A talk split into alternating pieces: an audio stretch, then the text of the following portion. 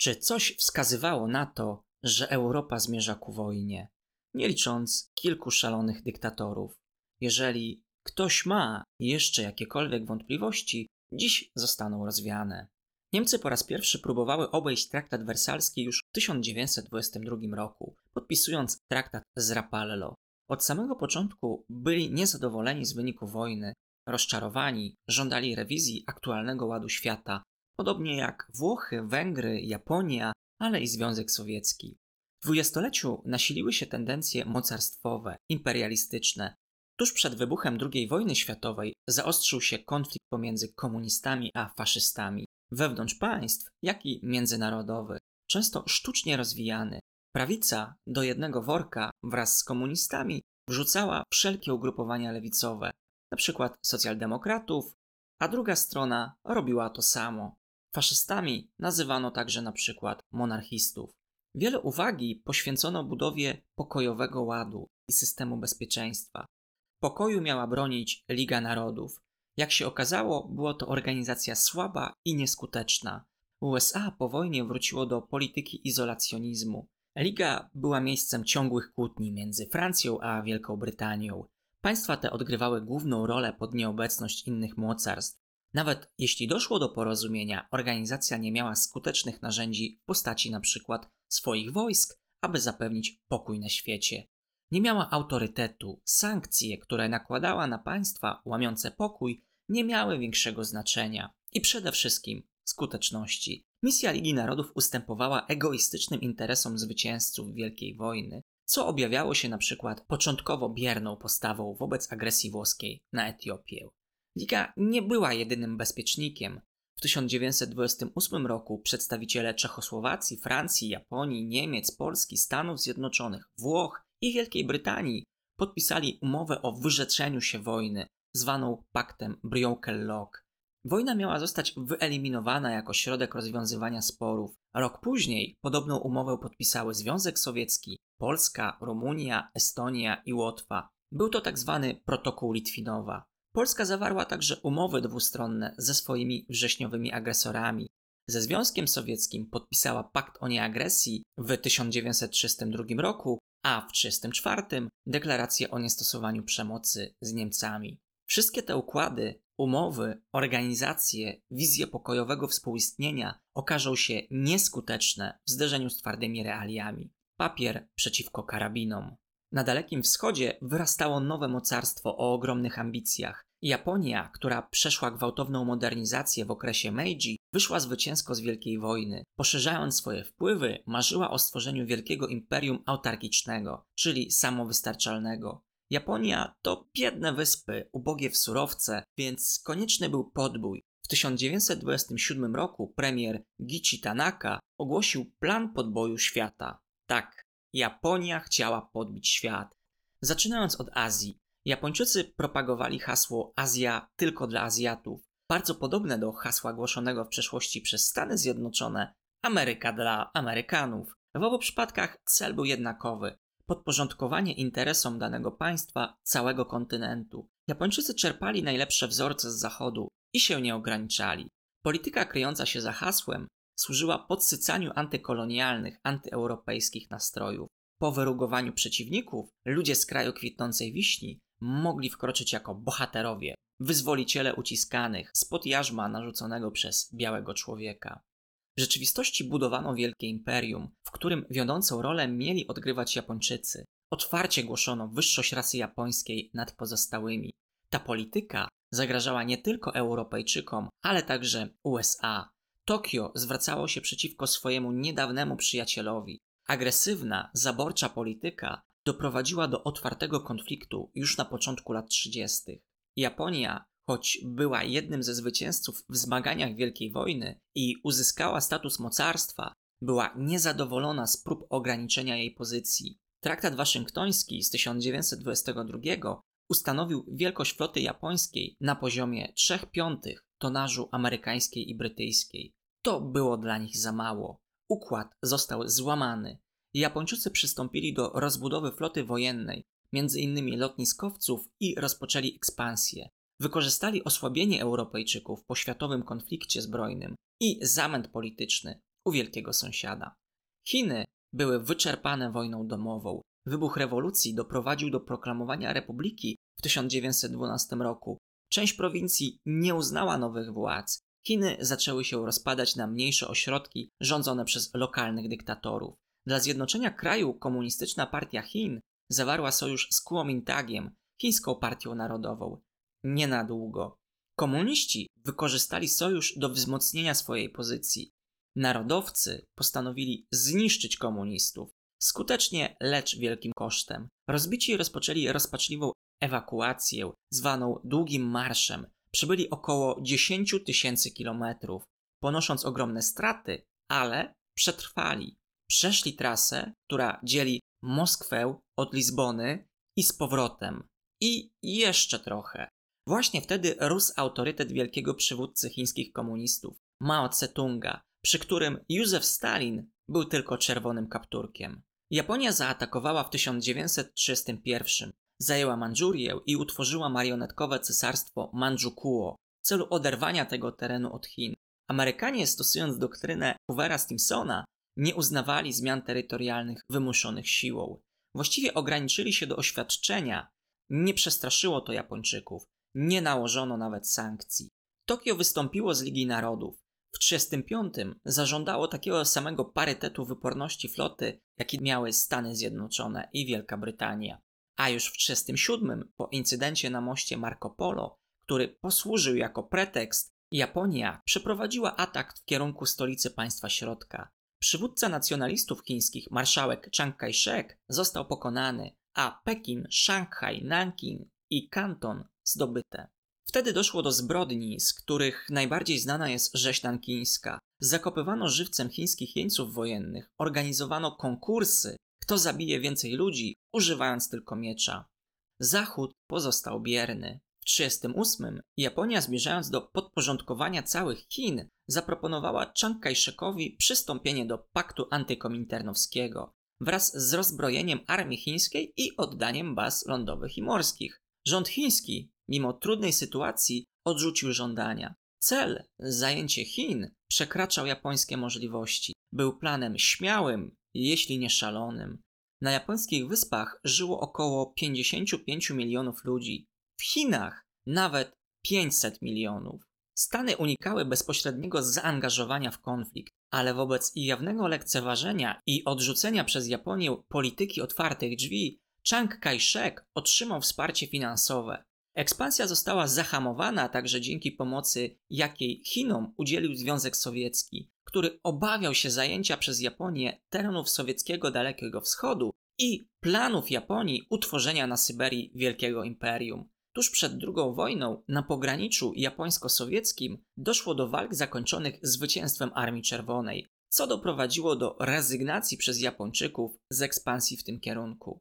Amerykańskie interesy były zagrożone na Dalekim Wschodzie. Na terytoriach bliskowschodnich po rozpadzie Imperium Osmańskiego powstały niepodległe państwa, których swoje wpływy pragnęły utrzymać lub uzyskać Wielka Brytania i Francja. Tereny te były areną walk pomiędzy Arabami, ale także narastał konflikt arabsko-żydowski, konkretnie w Palestynie.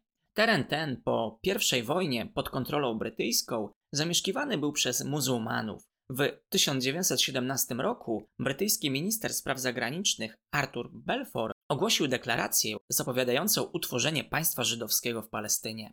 Jednocześnie syjoniści prowadzili konsekwentną akcję osadniczą. Od samego początku obie grupy były nastawione do siebie wrogo. Dochodziło do pogromów, a z czasem i ataków terrorystycznych. Aby uspokoić sytuację, Brytyjczycy wydali w 22 białą księgę ograniczającą napływ osadników żydowskich. Ale żydowski strumień był już zbyt wartki. Sytuacja stawała się coraz bardziej napięta. Żydzi byli dobrze przygotowani do zasiedlania ziemi odzyskanej i obiecanej. Szkolili się na przykład w rolnictwie jeszcze w Europie. Po osiedleniu wzajemnie się wspierali, tworzyli oddziały samoobrony. Brytyjską odpowiedzią na narastające antagonizmy były propozycje podziału terytoriów na oddzielne części arabską i żydowską oraz dalsze ograniczenia w imigracji. Działania te nie tylko były nieskuteczne, ale mogły także przyczynić się do zaostrzenia konfliktu. powstaną żydowskie i arabskie organizacje terrorystyczne dokonujące zamachów także na Brytyjczyków. Rozpoczął się, a właściwie już trwał, powolny rozpad Imperium Brytyjskiego. Synowie Albionu próbowali kontrolować sytuację na terytoriach zależnych poprzez stworzenie probrytyjskiej elity władzy. W Indiach taką rolę miał odgrywać Indyjski Kongres Narodowy. Jednak z czasem organizacja będzie coraz bardziej niezależna i śmielsza w dążeniach. Imperium nie uchronią próby zjednania elit, ani metoda dziel i rządź. O początku II wojny światowej przesądzą europejskie wydarzenia. Japonia marzyła o imperium, Niemcy marzyli o imperium, Włosi marzyli o imperium, imperium dla każdego. Włosi marzyli o tworzeniu imperium rzymskiego, a tym samym zamknięciu Morza Śródziemnego w granicach państwa. W 1932 zajęli Libię, ale najbardziej komentowana była wojna włosko-abisyńska, toczona w latach 1935-36. Etiopia była niepodległym państwem, monarchią, na czele której stał cesarz Haile Selassie, członkiem Ligi Narodów, a mimo to Francja i Wielka Brytania wyraziły zgodę w tajnym układzie z 1934 na zajęcie części tego kraju przez Włochy. Podczas walk Włosi popełniali zbrodnie, używając broni chemicznej, mszcząc się za klęskę podczas wcześniejszej próby zagarnięcia Etiopii.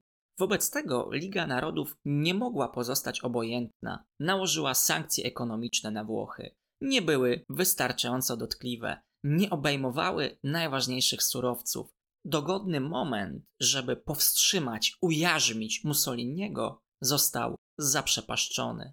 Przyzwolenie na włoski atak na prawie bezbronny kraj doprowadził do kryzysu politycznego we Francji i Wielkiej Brytanii do dymisji premierów, a Mussolini w 1936 ogłosił powstanie drugiego Imperium Rzymskiego. Rok później wystąpił z Ligi Narodów, dołączył do paktu antykominternowskiego, a przed światowym konfliktem zajął jeszcze Albanię. Próbę sił przed II wojną była hiszpańska krwawa wojna domowa, toczona w latach 36-39. Podczas dwudziestolecia sytuacja w tym kraju była bardzo niestabilna. W 1931 obalono monarchię i ustanowiono republikę. Kiedy w 1936 w wyborach wygrał lewicowy front ludowy, złożony z socjalistów, republikanów i komunistów, zbuntowała się armia na czele z Francisco Franco, popierana przez prawicę, monarchistów zwanych karlistami i faszyzującą falangę. Wybuch konfliktu był spowodowany programem reform wymierzonych w duchowieństwo i w armię. Armia podlegała redukcji, a na duchowieństwo spadły represje. W państwie szerzył się chaos, dochodziło do mordów politycznych i strajków, wzrastało bezrobocie. Nie bez znaczenia były także osobiste ambicje generałów próbujących dokonać puczu. Obie strony stosowały klasyczną metodę redukcji przeciwników do postaw skrajnych. Front Ludowy ogłosił swoich przeciwników faszystami, a Franco komunistami. Mocarstwa zachodnie ogłosiły nieingerencję, Wsparcia prawicy udzieliły Trzecia Rzesza i Włochy, wysyłając jednostkę Legion Condor i znaczne wsparcie materiałowe, a lewicę wsparli Sowieci, wysyłając doradców wojskowych i tworząc brygady międzynarodowe, w których walczyli ochotnicy z ponad 50 krajów, w tym z Polski. Nasi rodacy stanowili jedną z najliczniejszych grup narodowościowych w brygadach. Z frankistami walczył także George Orwell, Doświadczenia wojenne miały duży wpływ na jego twórczość literacką. W Hiszpanii w tym czasie był również Ernest Hemingway. Pablo Picasso na zamówienie rządu republikańskiego namalował obraz pod tytułem Guernica, przedstawiający dramat wojny. Miasto, od którego wzięła się nazwa dzieła, zostało zbombardowane przez Legion Condor, zniszczono 3 czwarte zabudowań. Obraz do dziś jest symbolem zbrodni wojennych. Konflikt przegrają siły lewicowe. Mimo iż brygady międzynarodowe składały się z ochotników, jednostka była wykorzystywana do realizacji celów sowieckich. Komuniści wspierani przez Stalina próbowali przejąć władzę nad obozem republikanów, wywołali chaos wewnętrzny. W tym czasie Franco skonsolidował własny obóz, zyskując tytuł Caudillo, wódz. Na stolicę uderzyły cztery kolumny jego wojsk. Franco ogłosił, że w Madrycie znajduje się piąta kolumna jego zwolenników, którzy zaatakują w odpowiednim momencie. Do dziś utajnionych zwolenników nieprzyjaciela przyjęło się nazywać piątą kolumną. Do dziś w Hiszpanii widoczny jest ostry podział narodu. Do dziś nie ustalono wersji słów hymnu. Jak doszło do II wojny? Nie byłoby tego bez Niemiec. Nieco więcej o państwie Hitlera powiedziałem w jednym z ostatnich podcastów. Dziś zajmiemy się ekspansją i polityką zagraniczną. W skrócie, Hitler miał trzy cele: przestrzeń, zemsta i nowy ład. Zdobycie przestrzeni życiowej na wschodzie kontynentu kosztem państw słowiańskich i stworzenie Wielkiej Rzeszy. Nie wybaczył Francuzom upokorzenia z poprzedniej wojny, pragnął zemsty i chciał złamać dyktat wersalski. Militaryzacja, sojusze i podboje oto jego plan. Jeszcze w trakcie przejmowania władzy przez Hitlera w 1933 Niemcy wystąpiły z Ligi Narodów. Ze skutkami wielkiego kryzysu walczono poprzez zbrojenia na kredyt m.in. z USA, dzięki czemu wielu bezrobotnych znalazło zatrudnienie.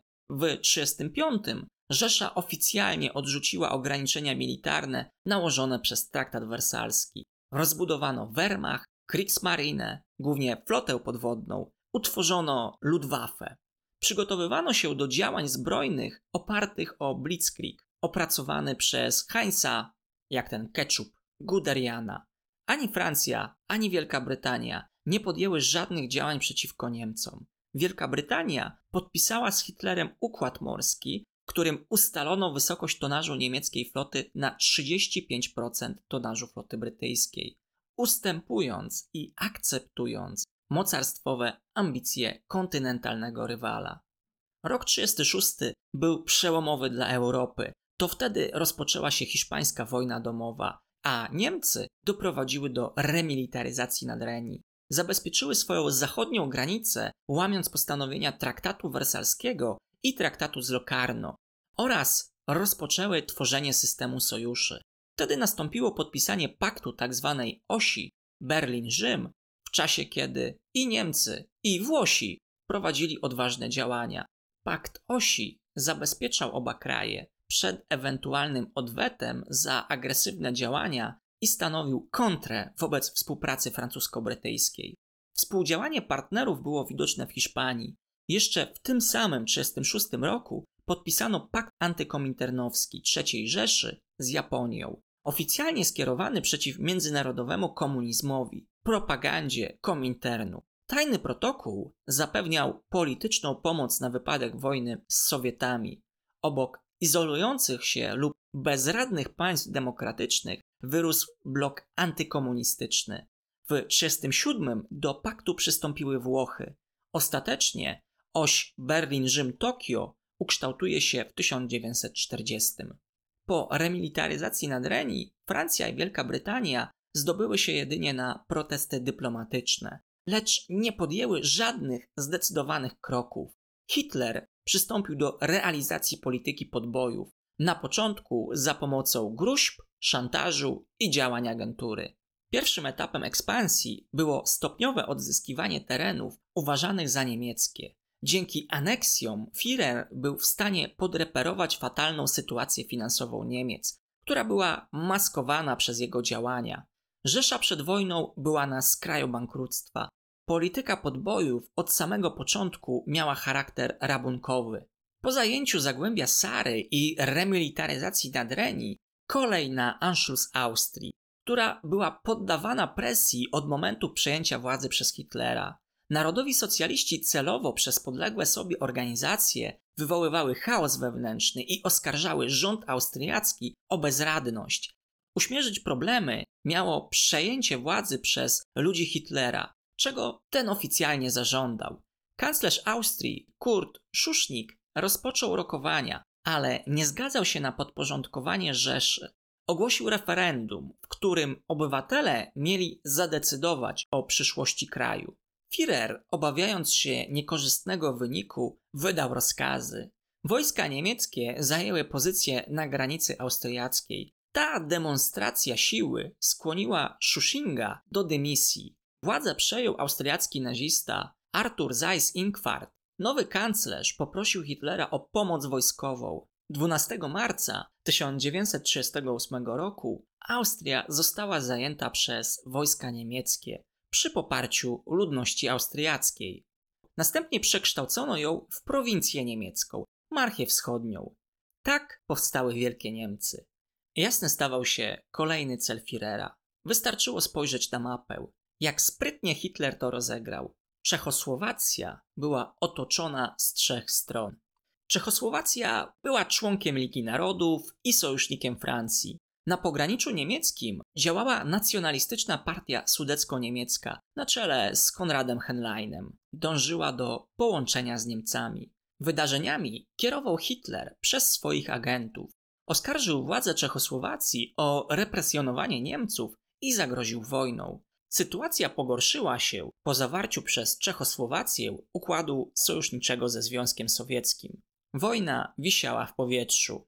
No nic dziwnego, że będąc zagrożonymi, próbowali się bronić.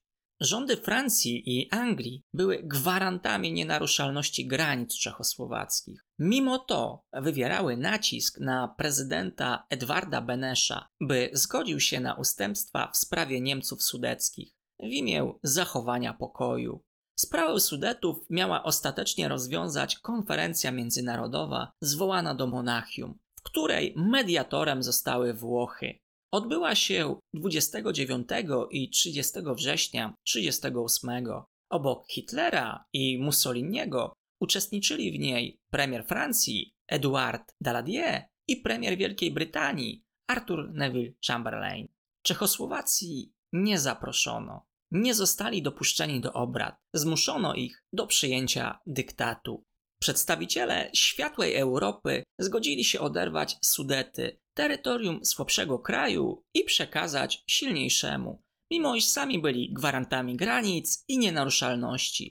Rozbiór był ciosem, z którego to państwo już się nie podniesie. W Sudetach mieszkała jedna czwarta ludności, Teren był uprzemysłowiony, stanowił około 40% potencjału Czechosłowacji. Z zakładami o mocach produkcyjnych dorównujących ówczesnemu przemysłowi zbrojeniowemu Anglii. Francja sama zrezygnowała z takiego sojusznika. Hitler wyeliminował zagrożenie płynące z potencjalnej współpracy Francji, Polski i Czechosłowacji. Nasi południowi sąsiedzi zostali rozbrojeni bez jednego wystrzału zdani na łaskę. W Sudetach znajdowały się fortyfikacje chroniące przed Niemcami, a Czechosłowacja dysponowała armią spełniającą najlepsze standardy. Niemcy wzbogacili się o nowoczesne wyposażenie. Po powrocie do kraju radosny premier Wielkiej Brytanii, Chamberlain, stwierdził: Przywożę wam pokój. This morning I had another talk with the German Chancellor, Herr Hitler. And here is the paper which bears his name upon it as well as mine.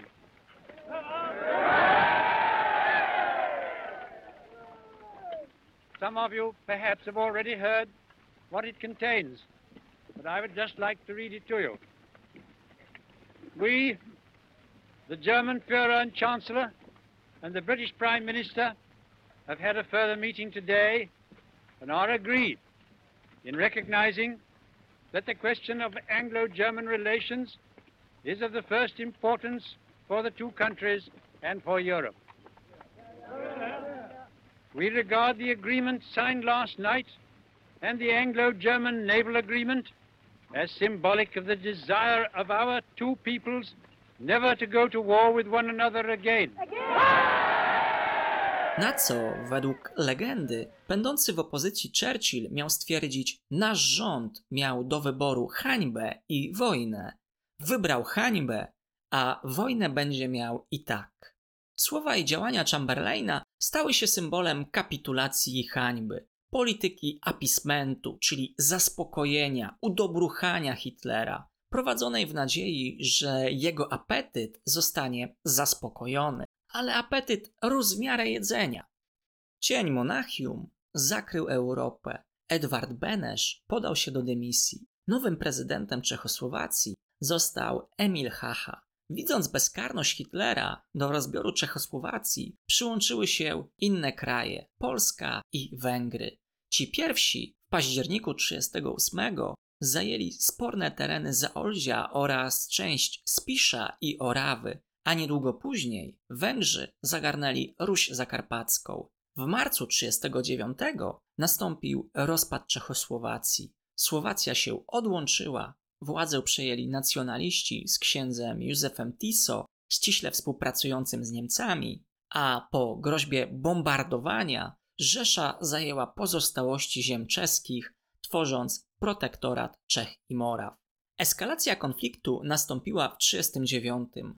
Polska, jak wcześniej Czechosłowacja, była okrążona z trzech stron. Jeszcze w marcu, kiedy rozpadała się Czechosłowacja, Hitler wysunął żądania wobec Polski. Dzień po tym wydarzeniu zajął Kłajpedę, a w kwietniu Włochy pochłonęły Albanię. Rzeczpospolita została postawiona w sytuacji, która już miała miejsce. Również żądania nie były niczym nowym, raczej standardowymi postulatami stosowanymi już wcześniej przez Japończyków i Niemców, a później przez Związek Sowiecki. Przyjęcie skutkowałoby uzależnieniem naszego państwa od agresora i dalszym okrążaniem. Polska miała się zgodzić na przyłączenie wolnego miasta Gdańska do III Rzeszy, wyrazić zgodę na wybudowanie eksterytorialnej autostrady i linii kolejowej łączącej Pomorze Zachodnie z Prusami Wschodnimi oraz przystąpić do paktu antykominternowskiego. Wojna nadchodziła. Była to tylko kwestia czasu. System ustanowiony raptem 20 lat wcześniej całkowicie się załamał. Wielka Brytania zagwarantowała pomoc militarną Polsce. Zrobiła to również Francja. Te obietnice bez pokrycia miały na celu zyskanie czasu, podtrzymanie oporu Polski, uniemożliwienie zbliżenia polsko-niemieckiego. Nasi zachodni sojusznicy nie zrobili nic, aby nam pomóc. Polityka epismentu całkowicie zawiodła. Nie zdała egzaminu w zderzeniu z polityką gruźb i agresji. Europa po Wielkiej Wojnie pokryła się jątrzącymi się ranami. Czas je tylko zaognił. Na pokoju wersalskim skorzystał tylko Zachód, który za wszelką cenę próbował utrzymać pokój, najlepiej gdy płacił ktoś inny. Nowe lub odrodzone państwa pochłonięte były sprawami wewnętrznymi i konfliktami granicznymi, niezdolne do współpracy i skutecznego przeciwdziałania przeciwko politycznym wichrzycielom.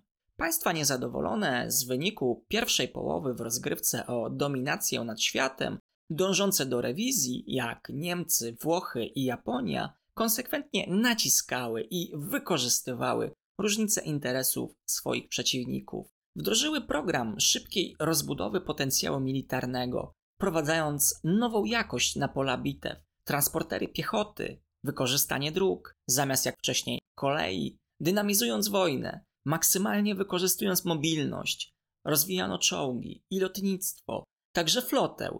Mocarstwa morskie były zagrożone ze strony Niemiec, ale i Japonii. Rzesza, która po Wersalu musiała znacząco ograniczyć stan swojej armii, w latach 30.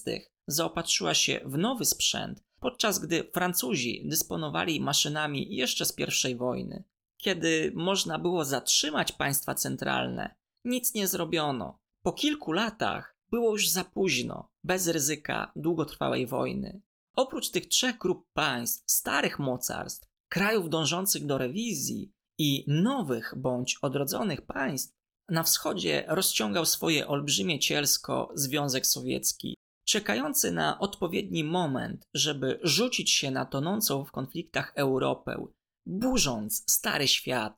Sowieci nastawili całą gospodarkę na produkcję zbrojeniową. Na zachodzie podsycali spory przez działania propagandowe i agenturalne. Pod koniec dwudziestolecia stare potęgi wyraźnie ustępowały w rywalizacji oddając skrawki terytoriów swoich sojuszników. Byli spóźnieni w zbrojeniach i tworzeniu systemu sojuszy.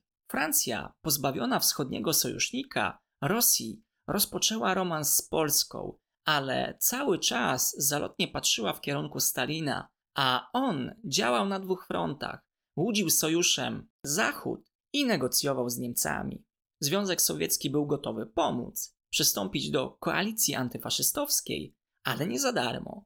Polska i Rumunia miały się zgodzić na wkroczenie wojsk sowieckich, by ich skutecznie bronić. Oba rządy odrzuciły te żądania.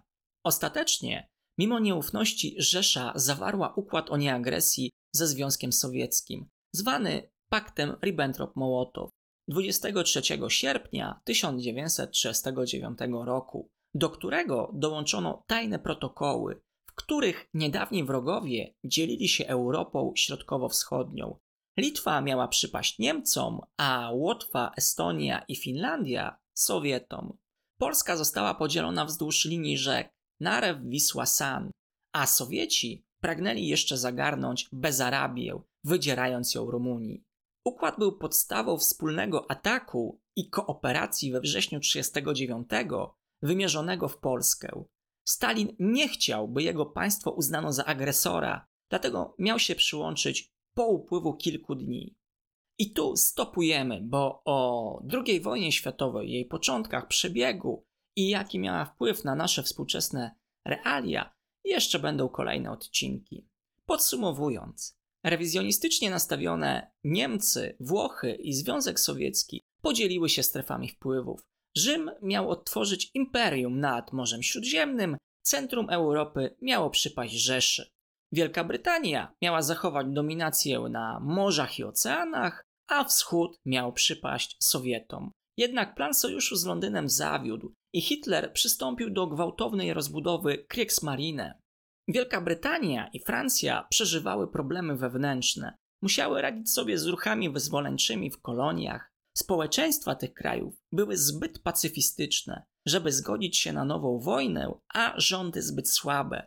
Polityka epismentu nie uchroniła przed wojną, sprawiła, że apetyt Hitlera stale rósł i przyspieszyła wybuch wojny. Francja i Wielka Brytania same łamały zasady, które ustaliły po Wielkiej Wojnie, dawały przykład i cichą zgodę.